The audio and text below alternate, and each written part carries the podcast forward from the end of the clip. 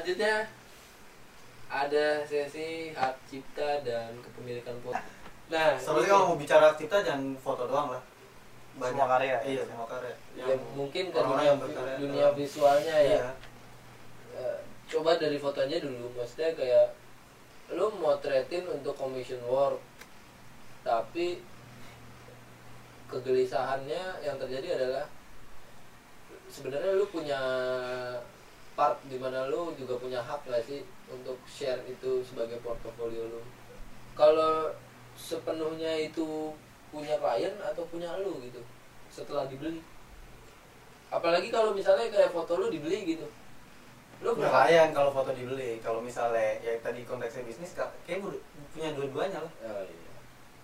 Ya gue motoin lu ada hasilnya, ya fotonya juga buat lu, nggak nggak buat nggak buat lu doang maksudnya gue juga punya gitu buat buat karya gue juga. atau ini kalau di dunia visual kan kayak misalnya lu pitching yang tadi kita bahas Jis Hmm. maksudnya lu pitching terus kliennya ngambil ide pitchingan lu Itu banyak ya. ternyata eh, tiba-tiba nggak ada kabar terus tiba-tiba timbul lah karya yang Iya, idenya mirip-mirip sama ide pitchingan lu itu lo nanggepinnya gimana? nanggepinnya dari kita sendiri sih kita jangan jangan sembarangan ngasih ide atau bentuk desain atau bentuk apa pun bentuk fisik lah seenggaknya jangan ngasih itu sebelum benar-benar ada eh, Kesepakatan. deal, kesepakatan kayak gitu kan iya gitu gitu sekedar gitu doang sih menurutku. jadi intinya balik perizinan iya beli dari Agreement. dari- oh, agreement dari kita dari kitanya sendiri tapi sebelumnya tuh ada tuh yang kemarin waktu itu gue sempat share di snapgram makalah fotografi soal model rilis. Eh, maksudnya sebagai seorang fotografer yang memotret model apa lu punya hak terhadap foto-foto di luar proyekannya? Misalnya foto-foto yang enggak final pick. Hmm. Eh, gitu. Menurut lu itu sah nggak? Misalnya gini gini.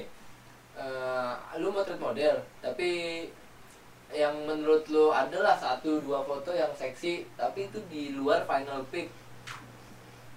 Da, dan lu upload gitu. Nah kalau itu balik lagi ke konteksnya sih. Kalau konteksnya senang-senang ya bebas lu mau ngupload apa nih.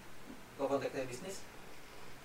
Tapi kalau menurut gue ya eh, kan kalau kita dulu belajar model rilis kan Ah, di mana model itu ya sebagai seorang profesional juga punya hak atas apa yang lu foto gitu. Jadi ketika lu motret dia untuk hak publikasi itu sebenarnya juga melalui dia juga gitu. Dan terutama gitu di model rilis sebenarnya ada eh, foto-foto yang boleh terpublish itu foto-foto yang memang sudah jadi commission gitu. Maksudnya udah jadi final pick gitu persetujuan klien dan dia. Di luar itu sebenarnya nggak boleh gitu. Sempet ada kasus gitu. Jadi yang seksi-seksinya ada belahan-belahannya gitu. Hmm. misalnya foto curian lah ibaratnya nggak sengaja atau apa gitu. Nah Upload. di share ke upload modelnya tanpa pengetahuan kan rasanya nggak ada deh di final pick ya gitu. Ya lu inilah ngobrol sama modelnya lah. Persetujuan misalkan ya kayak ini final pick nih tapi ada nih foto yang yang curian lah yang yang lu bilang. Tapi ini boleh nggak dipublish nih? Ya kalau emang misalkan si model bilang oh ya udah nggak apa-apa ya kan oke oke aja Hmm. nggak masalah kecuali lu nggak bilang dan itu lu post itu attitude sama komunikasi mungkin antara fotografer Iya, sama attitude. Attitude sih. Iya, ya. itu juga yang sekarang mungkin mulai dilupakan sama banyak fotografer, model rilisnya atau para model eh, untuk menyikapi profesionalitas si modelnya sendiri. Jadi kadang kan kayak misalnya urban-urban gitu dah. Iya. Little street Iya. street Motret ramean ya kan, ya keroyokan keroyokan. Terus kadang kan pasti ada tuh yang nyuri-nyuri ada. nyuri-nyuri kesempatan ya kan nah yang foto yang curi-curiannya itulah yang dipublish nah itu menurut gua jahat sih kalau menurut gua gimana mas bro? Ya kalau menurut gua model LinkedIn itu secara tidak langsung dari telanjangi. Ya, iya. ini dia Iya, iya, iya. kebuka nih. Ya kalau gue emang udah gak tertarik sih model-model kayak Iya. gitu keroyokan. Apalagi suruh bayar ya. Anjir kayak arisan RT gue bilang. Ya kita juga nggak terlalu mau banyak mau minum cipta sih takut takut salah sih ngeri ngeri. Bukan ahli-ahli ya. Iya, ahli kita ini kok kalau kalau ya? kopi copyright paling kayak saya kayak buku aja gitu kan. Eh, sekali berapa kali kopi misal du- 2000 kopi kalau royalti iya kayak kalau misalnya desain atau visual foto misalnya fan art gitu kan. Ya HKI lu bisa dijual misalnya sampai lima kali jual gitu kan. Ya mungkin eksklusifnya dunia lukis nggak bisa dicapai sama dunia digital. Oh iya. Kalau di lukis kan eksklusifnya lu sekali coret di kanvas itu nggak akan bisa diulang di kanvas Iya. yang lain oh iya gitu ya. beda. Nah kalau foto ya kontrol C kontrol V. Iya, Kontrol C, Parah, kontrol kalau V. sih. dan di lukisan itu kan ada watermark. Sekalipun di foto gitu watermark ya Jelek. nggak bisa hilang gitu tapi ya namanya dunia digital jadinya kayak media sosial aja. Kalau lu naruh satu foto tapi komentar lu ditutup ya Ya. lu nggak siap untuk Siap. dunia digital Iya. ya kan siap hujatan netizen ya pun dunia privasi sekalipun di dunia digital nggak ada yang aman lu misalnya ngeblok gua gitu supaya gua nggak bisa lihat profile lu seenggaknya kan gua bisa tahu profile lu lewat akun siapa Iya. atau akun dummy gua gitu ya kan. Kadang juga kalau kayak yang di Instagram katanya sih gue juga belum cek pasti ya. Kalau yang udah lu upload ya itu jadi hak cipta umum gitu. Iya, itu benar. bisa lu download lagi. Mau Instagram Facebook Iya, ya kan. sampai jahatnya lagi kalau balik lagi ke wedding tadi ya. Lu Iya. upload portofolio wedding ya jangan takut apa jangan nyalain orang nyolong sih sebenarnya Iya, gitu kan. bahkan sampai dia colong terus dia buat jualan lagi gitu kan. Iya. itu banyak kasus sih yang kayak gitu tuh. Makanya kan sekarang mulai tren tuh yang umum bukan sekarang sih udah lama yang foto weddingnya ada watermarknya Oh, merek, iya. merek, merek si vendornya. Vendornya. Kalau ngomong nggak usah di post lah. Nah kalau nggak mau nggak usah iya. di-post sih udah paling simpel banget kalau kalau orang nggak mau tahu ya sih, udah. Jalan keluarnya itu ya? Iya. Jahat sih digital. Kecuali udah lu aktifin tapi emang kalau walaupun misalkan gini nih oke ini foto gua udah gua aktifin terus masukin Instagram apa yang kata lu bilang belum dia jadi umum itu tetap bisa ditutup nggak sih kalau kayak gitu itu gua nggak ngerti Nggak ngerti ya, belum ya. dulu kalau kalau gue balik lagi ke itu tadi kebutuhannya sama konteks kalau konteks bisnis kecuali terkecuali kalau gua kolot-kolotan mau ngejar eh, validasi atau nama itu ini foto gue gitu. Kok nggak ditekin sekedar teks sih kalau di Instagram sebenarnya. Gitu ya. Sekedar menandai ini tuh foto siapa? Gimana gitu lu doang. hargain ya? Iya. tapi kalau kasus yang adu kepemilikan misalnya udah didaftarin Hmm. itu ujungnya ya itu maksud paling adu data shift eh data exif ah ya kan iya siapa Paham. yang lebih karena Iya. kan kalau orang di copy itu ada modifiednya Iya, modified iya. date Iya. kan kalau paling awalnya siapa iya lihat dilihat ya kalau ada lu mentana pede aja Iya. ya emang gue yang motret nih iya sih selama ada mentana udah Mbak, terus saya maju jahat sih digital sih kalau buat gua tapi gimana lu nyikapin aja kalau gue pribadi sih foto gue dipasang di profil orang segala macam gue jadi makin girang aja Iya, aja iya, gitu iya, sih. iya. Pede, pede. oh dia bisa sampai pakai loh gue gak peduli sih dia mau tahu siapa gitu. Biar kalau orang eh itu foto dia bagus tuh padahal lu foto gua gitu. biasanya tuh kalau yang kayak gitu-gitu tuh lu baru pernah model bagus lu post tuh pakai orang anjing tuh foto gua tuh. Oh, Iya, iya. bener nggak sih? Kayak kayak kalau kayak kalau yang kita kayak yang udah biasa kan kayak ayo ayo, ayo udahlah. Iya orang ya kok kayak Iya. yang baru-baru kan. Anjing gua baru model begini pasang eh gerutu-gerutu orang kayak kayak orang tua gak sih gerutu kecil eh. Anjir, pakai foto gua izin dong. iya Ya, tapi juga ya. tergantung gimana orang nyikapin Iya. intinya itu. Masing-masing dan pribadi tergantung gimana etika sama attitude lo buat nge-share foto orang. Iya. keresahan sebagai lulusan fotografi. Anjir. siap. emang gua lulusan ya. Kita semua veteran AMD ahli pasang display Ahli pasang. saya di empat marketing. Juga sih kali Malang kali banget D3 duduk-duduk diem Ya. boleh, boleh. tiga dikit-dikit rumah Ya.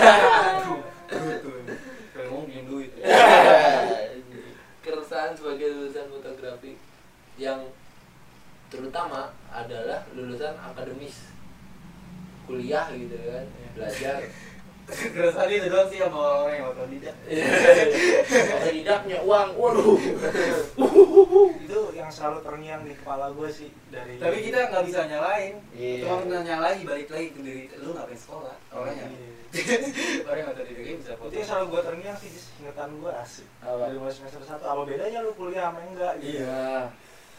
bener banget sih tuh mungkin masalah dasar karena kan fotografi dipecah ada tiga dokumenter komersil atau nggak seni. Ada part-part di mana mereka juga kehilangan gitu kan punya- istilahnya kalau yang otodidak ya misalnya dia udah tentuin di wedding gitu kan ya. Hmm. udah di situ aja nggak mau belajar yang lain paling ikut ikut street. Tapi Iya. kalau kita umumnya sih harusnya nggak mati gaya. Kalau wedding nggak laku harusnya ke sini nih bisa dong gitu. Seharusnya ya. harusnya lah. Gaya banyak gaya selingkungnya Yoi. gaya baru. Tapi cukup disadari ya maksudnya fotografi itu kan sebenarnya eh, ilmu terapan yang Yes. lu bisa lu kejar tanpa jalur akademis gitu oh. secara teknis secara teknis Eh, dan keresahan gue belakangan adalah fotografi itu banyak muncul dari orang-orang yang udah punya gitu, dalam tanda kutip ya Hmm. oh Ya. iya dan itu lebih gampang banget jalurnya kalau sorry sorry kalau gue lihat kayak gitu ya kan oh iya Anjir. Udah sih anjir kalau basicnya seniman sih kalau gue bilang. iya sih.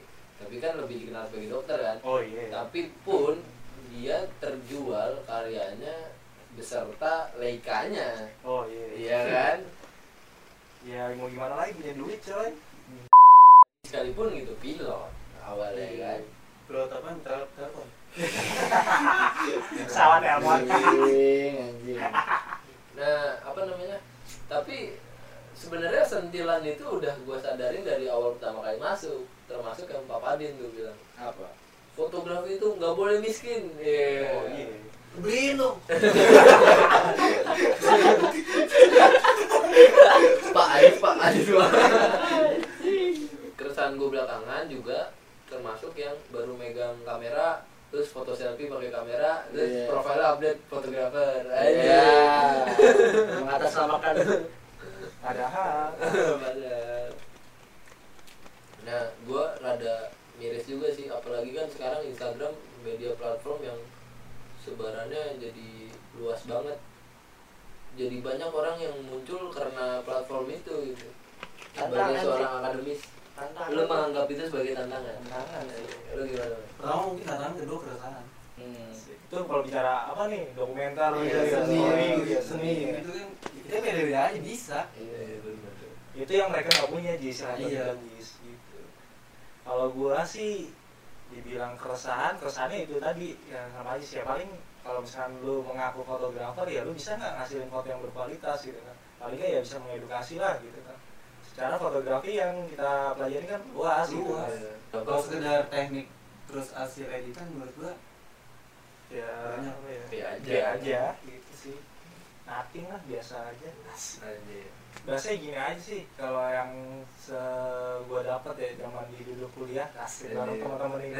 aduh Aduh, apa malah ya? keluar dari teknis sekarang. Istilahnya kayak Keluar dari lu makan bakso, mie ayam, terus eh, istilahnya spaghetti, nah lu cocok yang mana nih? Tapi seenggaknya lu kalau pas waktu di akademik fotografi lu udah ngerasain semuanya. Oh, gitu. iya. lu udah mencicipi semuanya Udah mencicipi semuanya, bahkan kalau bisa lu juga bisa bikin. Hmm. Gitu sih paling.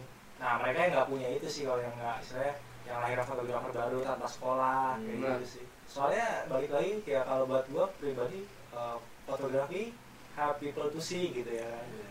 tapi cukup gua akuin ya kalau di komersil cukup segan gua kalau sama orang-orang yang soalnya gini kalau non akademis oke lah. Tapi lu punya jam terbang tinggi. Uh, Oh iya pasti. ya kan? Apalagi kalau di komersial tuh. Banyak banget yang punya jam ter- terbang tinggi.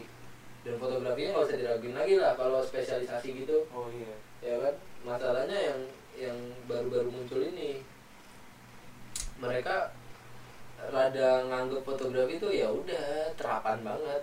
Perihal teknis mereka bilang bisa udah mereka menganggap udah menguasai gitu. Dan lebih ke Indonesia-nya sendiri. Maksud gua Indonesia terbilang negara yang kurang mengappreciate ilmu fotografinya. Ah, bukan ilmunya maksudnya pendidikan Pendidikan. fotografinya. Ya nggak?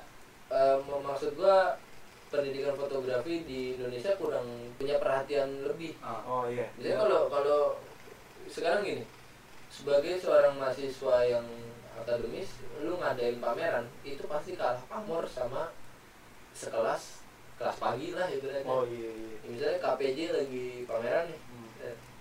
yaudah kita nama kita kalah pamor Nah, untuk timbang sama yang istilahnya Iya. kursus-kursusan fotografi di Iya. luar sana ya gitu. walaupun bukan menutup kemungkinan nggak unggul ketimbang kita ya mereka juga ada keunggulan tapi ya sayangnya jalur akademisnya kurang perhatian Yes, gitu, ya kan? itu sih itu krisisnya edukasi Iya. fotografi ya dan banyak orang juga kurang mau mengapresiasi lulusan-lulusannya fotografinya jadi Ya, kalau sih ya. iya.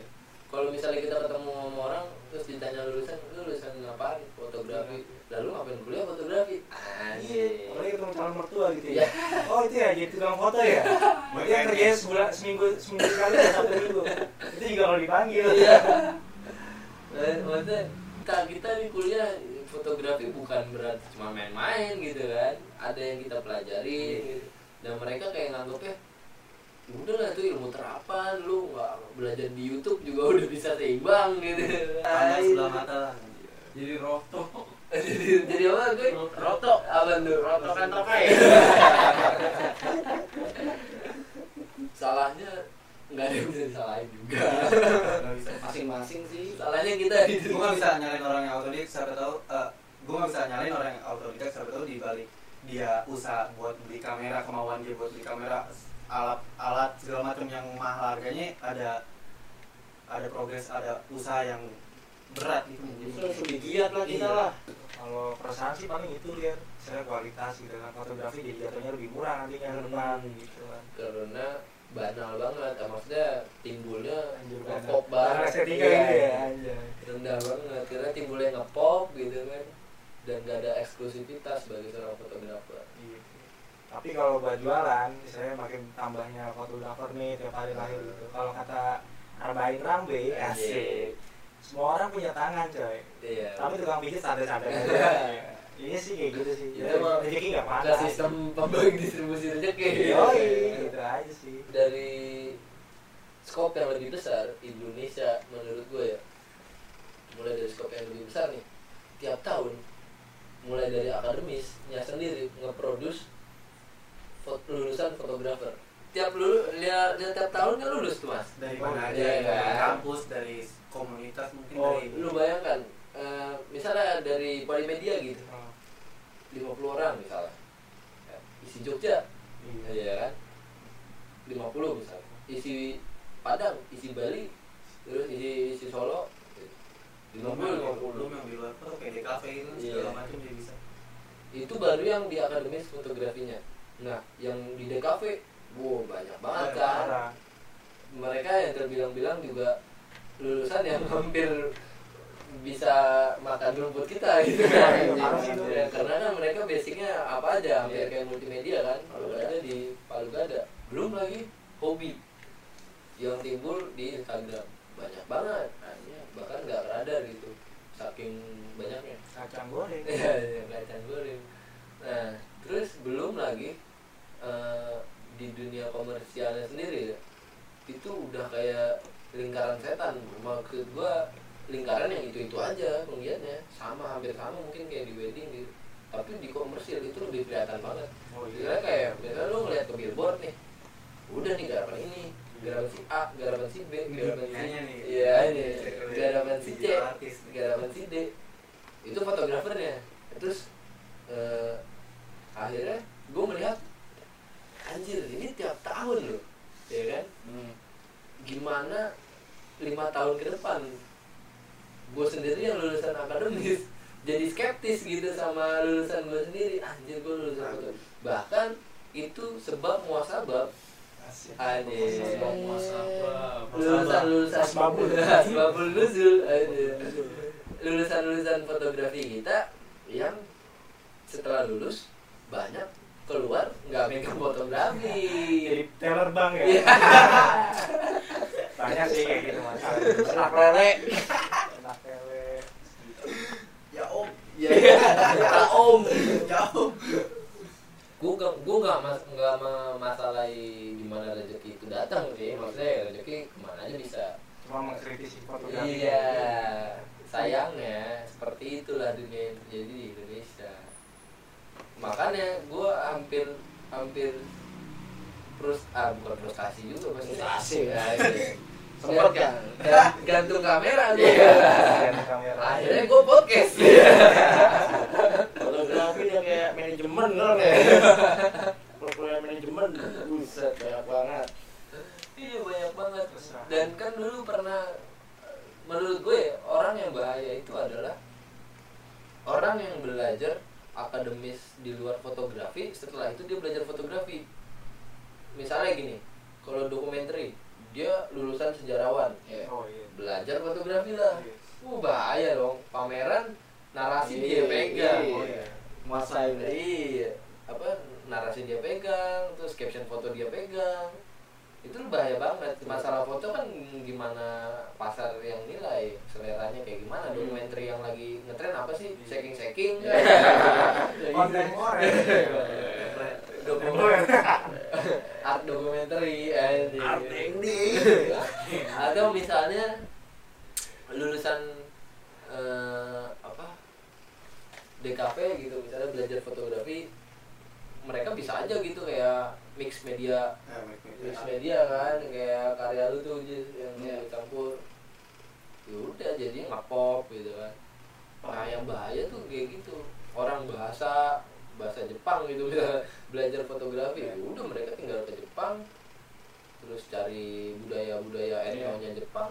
Balik ke sini pameran pakai bahasa Jepang. Ya bisa aja gitu. Nah yang bahaya itu yang gua setelah gue pikir-pikir. Nah gue jadi kayak anjir gue salah step kali ya. Enggak enggak salah saya nanya yang sekarang ngapain? Iya. ngapain? Gue ngapain jadi sekolah foto gitu kan keresahan gue sendiri tuh takdir. Anjir, bubarin apa jalan tuh? Ya, mungkin pada satu sekolah ya memang itu belum ini Iya. kali dia pada masanya kan emang di zaman lu mungkin fotografi belum belum apa ya belum booming kan Iya. belum berkembang mungkin kan? Tapi kita kita kan yang cukup eh, kayak menilai bahwa udah gue udah sekolah fotografi ini jalan ninja gue Ya, jalan iya, ninja iya. tapi aneh juga sih dulu zaman di Polmek fotografi itu kayak jurusan buangan ya? Iya sih. Iya. orang mau masuk broadcast ya ketika Iya, akhirnya iya. buang fotografi Bener-bener. cemplung akhirnya. Iya, Eh, cemplung. nggak mau akhirnya belakangan gue memutuskan ah udah ngeritas aja. Ya ya keluar kamu keluar dari foto. Ngedi aja lah. Soalnya tenis lo udah udah bisa kan. Iya, walaupun ya melipir-melipir dikit nggak kejauhan gitu. Tapi ternyata sama aja di dunia retouching atau di dunia digital imaging ya pelaku pelakunya lingkaran itu itu itu nah yang gue pelajarin mereka tuh ngebentuk lingkarannya eh, secara secara eh, frekuensi satu frekuensi misalnya kayak lu Ragoy fotografer, Hmm. gua retouchernya. Iya. Nah, itu jangan nyantol tuh berdua. Jadi kalau satu proyek kan dang langsung kedua pakai Kayak bikin Nah, ya. yang salah adalah kita nggak membentuk itu. Hmm. connection Ya, termasuk circle-nya nggak membangun generasi dari akademis fotografinya. Sekarang siapa sih yang membangun circle yang kayak gitu? Yang gue lihat ya, yang paling berhasil adalah kalau nggak Egi sama Imam, ya ya kan? ya Atau Bayu, Ya. ya. bertiga ada Ya, tuh, boleh udah tuh. tuh. Nah, Yusfo, Acil, Kebot ya misalnya Ya. gitu. Atau siapa gitu. Nah, yang salah kan nggak membangun itu di lingkaran yang sama. Kebanyakan dari lulusan kita ya gitu, udah. Mecah sendiri keluar lu tetap megang fotografi? Sih iya. Tapi lu nggak membuat lingkaran gitu. Jadi menurut gua lama-lama ya kita juga kegeser. Nggak bisa disalahin gitu. Kalau lu sih mungkin aman mas Bram foto booth. Iya. itu kan bisnis tersendiri. Foto bu menjanjikan pra peradaban sih dari iya peradaban. Masih ada masanya juga lah. Iya. Lagi gue pikirin. Iya. Nah, kalau nggak laku gimana iya iya 2020 2021 oke lah. 2022 kan bisa makin Inovasi. makin bukan orang yang foto. Iya perkembangannya makin ke sini fotografi tuh kayak instan. Iya instan dan hal-hal teknis soal orang bahkan udah teks. Justru maksud gua eh, lebih kayak wah ke depan makin cemas dong. Oh iya. Iya lah. pasti lah. fotografi makin ngepop dan perihal mekanisme. Kayak misalnya di komersil itu eh, di listing itu ada kayak tabletop gitu. Itu gue ngeliat di mana ya? Video YouTube salah. tabletop terus baju udah tinggal ditaruh doang tuh. Hmm? baju ditaruh ntar mesin screening yang yang motret Udah ntar udah langsung background putih warna background bisa diatur atur di tabletop anjing kata gue dia bukan Kayak instan, berarti. iya. Terus udah gitu ada foto yang manekin dia pakein baju terus di di screen gitu der nah ntar di hasilnya itu bisa kayak di 360 in di Oh, bisa gitu. ah, virtual, virtual, virtual. Kira orang Ini bukan orang. nih yang motret ya kan apa ya teknologi sih dia nggak bisa dipungkiri aneh Iya. gitu iya nggak bisa disalahin juga sih. Makin sini ya makin berkembang teknologi ya kayak foto booth aja ada stack printing gitu kan. Tapi pada akhirnya kan dunia cuma mengulang. Jadi belakangan muncul lagi tuh kayak Oh, iya, analog kayak kan iya. retro analog Film. Gitu ya. Dulu cuma muter-muter doang pada intinya. Orang udah jenuh sama digitalnya udah balik lagi. Terus tips dan trik anjing Tips banyak di tips. Google sih. Tips sih nggak ada sih banyak lah tips mah udah banyak lah orang banyak ya. bisa belajar lah orang dari Bisa. YouTube iya kecuali kita zaman batu Iya. balik ke 10 tahun belakang mungkin perlu lah tips dan trik apalagi tipsnya cuman kayak seputar teknis doang ya iya kalau sekarang tuh orang udah makin cerdas lah nggak ada kalau Nggak ada ya. nggak ada Cuma mungkin dari Mas Bram mungkin Apaan? gue bisa paling YouTube banyak banyak ya Google gitu, iya sih kayak blog, gitu sih orang lebih mudah kok sekarang orang Iya, udah udah, cari. ya, nggak sesulit dulu ya. Lu harus beli majalah, ya itu tuh Lu modal ceban di kota udah dapat Iya. semuanya. Ke zaman dari disuapin lah kan ya. iya udah nggak perlu lah Ini ini jangan malas. Iya bener sih Bener bener malas Gue ya lu rajin ini mungkin jadi jadi jadi apa namanya gap juga ya maksudnya ada. ada Jangan informasi makin ada semua nih gitu. Nah. mulai dari zaman analog sampai mau zaman apa pun lu bisa belajar gitu Iya. nah jadi sekarang ini kita merekomendasikan orang untuk sekolah fotografi nggak? Udah tutup aja. Ya. Kalau gue tetap karena gue balik lagi ke yang tadi itu dapur ya fotografi. Ketiga bagian dokumenter komersial sama seni. Nggak semua orang Iya, yang bener bisa bagi kebagian. Iya. Pakai masing-masing. Mungkin ranah ranah zona paling aman ya akademis fotografi di seni ya. Ya, seni, dokumenter, edukasi. dokumenter jurnalistik terlebih ya kan Iya. orang nggak bisa suka Iya. Jurnalistik pun juga lu harus belajar nulis ya kan. Iya. Iya. ya orang nggak bisa sembarangan lah untuk masuk ke jurnalistik Yes, betul. dan Mungkin zaman sekarang komersial ya kan lagi lagi di atas hmm. tahun tahun depan mungkin Iya. ada dokumenter atau jurnalis atau seni Ada personal project ya kan yang ya mungkin beberapa waktu ini kan udah banyak orang ngeluarin buku ya kan. Iya. apalagi juga mas sekarang tuh udah mulai banyak penggiat-penggiat fotografi yang mulai buka kelas kayak Mas Yopi itu. Oh Ya, ya, buka akademi, Aka project, ada project. Ya, terlebih kelas pagi yang giat-giatnya. Film foto. Ram foto. Udah banyak lagi ya. Udah banyak iya ya banyak. Jadi apa gunanya? Kuliah fotografi iya. Sebagai penutup ya. Anjir. Udah ya. Kita rasa cukup ya? Cukup ya ya eh jadi dengerin jangan kelamaan dua jam anjing ini lama banget asli dua jam kayak gue harus potong-potong nih. Status siapa terkenal enggak roto justru menurut gue nih sebuah terbilang tantangan juga sama tujuan gue sih bikin podcast. Maksudnya gue punya circle fotografi buat apa gue nggak mengenali mereka ini loh fotografer-fotografer yang akademis. Eh ini. Eh, ini iya, mengalir doang sih. ya mengalir sih. Menurut gue sih ngalir sih. Suara dari rakyat gila. Iya. Yang mulai kehilangan job. Iya. Ya diriku lagi ya gue rasa itu kita tutup sesi ngedeprok bersama Ragoy, Mas Bram, Ajis dan Yoga yang nggak ngomong sama sekali.